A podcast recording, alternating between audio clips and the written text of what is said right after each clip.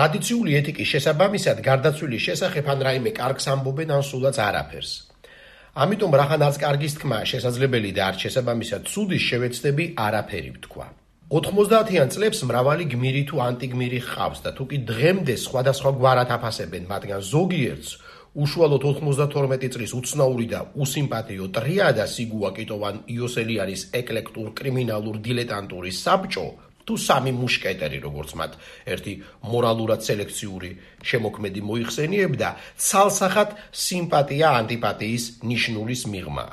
რადგან დღეს უკვე აღარავინ დავობს რომ 1991 92 წლის დეკემბერ იანვარს უაზრო სისასტიკის გარდა სხვა არც არაფერი მოუტანია საქართველოსთვის ყოველ შემთხვევაში ის კი ნამდვილად არ არა წესით დამოუკიდებლობას უნდა მოეტანა თუმცა დამოუკიდებლობა ვიზღა ახსოვდა როცა თავისუფლება თბილისის ომის ტყუების ზუზუში ჩაიკარგა და უმნიშვნელოვანესი ისტორიული პროცესის დასასრული თუ დასაწყისი ერთმანეთის სიძულვილის ძვინვარებაში ჩაკარგულებს გამოგვეპარა შალამოვი ერთგან წერს რომ გულაგის გამოცდილება არაფრად ჭირდება ადამიანს ამ გამოცდილებას ის ვერაფერში გამოიყენებს, რადგან საკონცენტრაციო ბანაკის გამოცდილება ზოგადად ადამიანურთან, ანუ სიცოცხლესთან არის შეუსაბამო.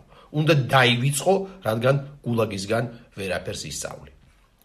ცხადია 91-92 წლებს გულაგის ეპოქას ვერ შევადარებ, მაგრამ ის რაც საქართველოს გაიარა ამ წლებში კრიმინალური ანარქია თუ თბილისის და ოსურ-აფხაზურ-რუსული ომები სწორედ ამგვარ ტრაგიკულად გამოუსადეგარ გამოცდილებათა კატეგორიას განეკუთვნება, რადგან საბოლოოდ ვის რად წაადგა ეს ყველაფერი.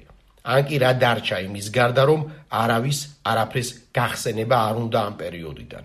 ამიტომ თუ კი რაიმე დარჩა 92 წლის სამხედრო საბჭოს ტრიოს ერთ-ერთი წევრის ეპიზოდურ ფატალური მოღვაწეობიდან, ალბათ სწორედ ტრაგიკული და სევდიანი არ არა. რის გასტრონომიულ სიმბოლურ განსხეულებად 92 წლის სიბნელესა, უპერსპექტიობასა და ქაოსში შექმნილი, მისივე სახელობის ნამცხვარი, სიგუა მესახება. არაფრისგან შექმნილი არაფერი.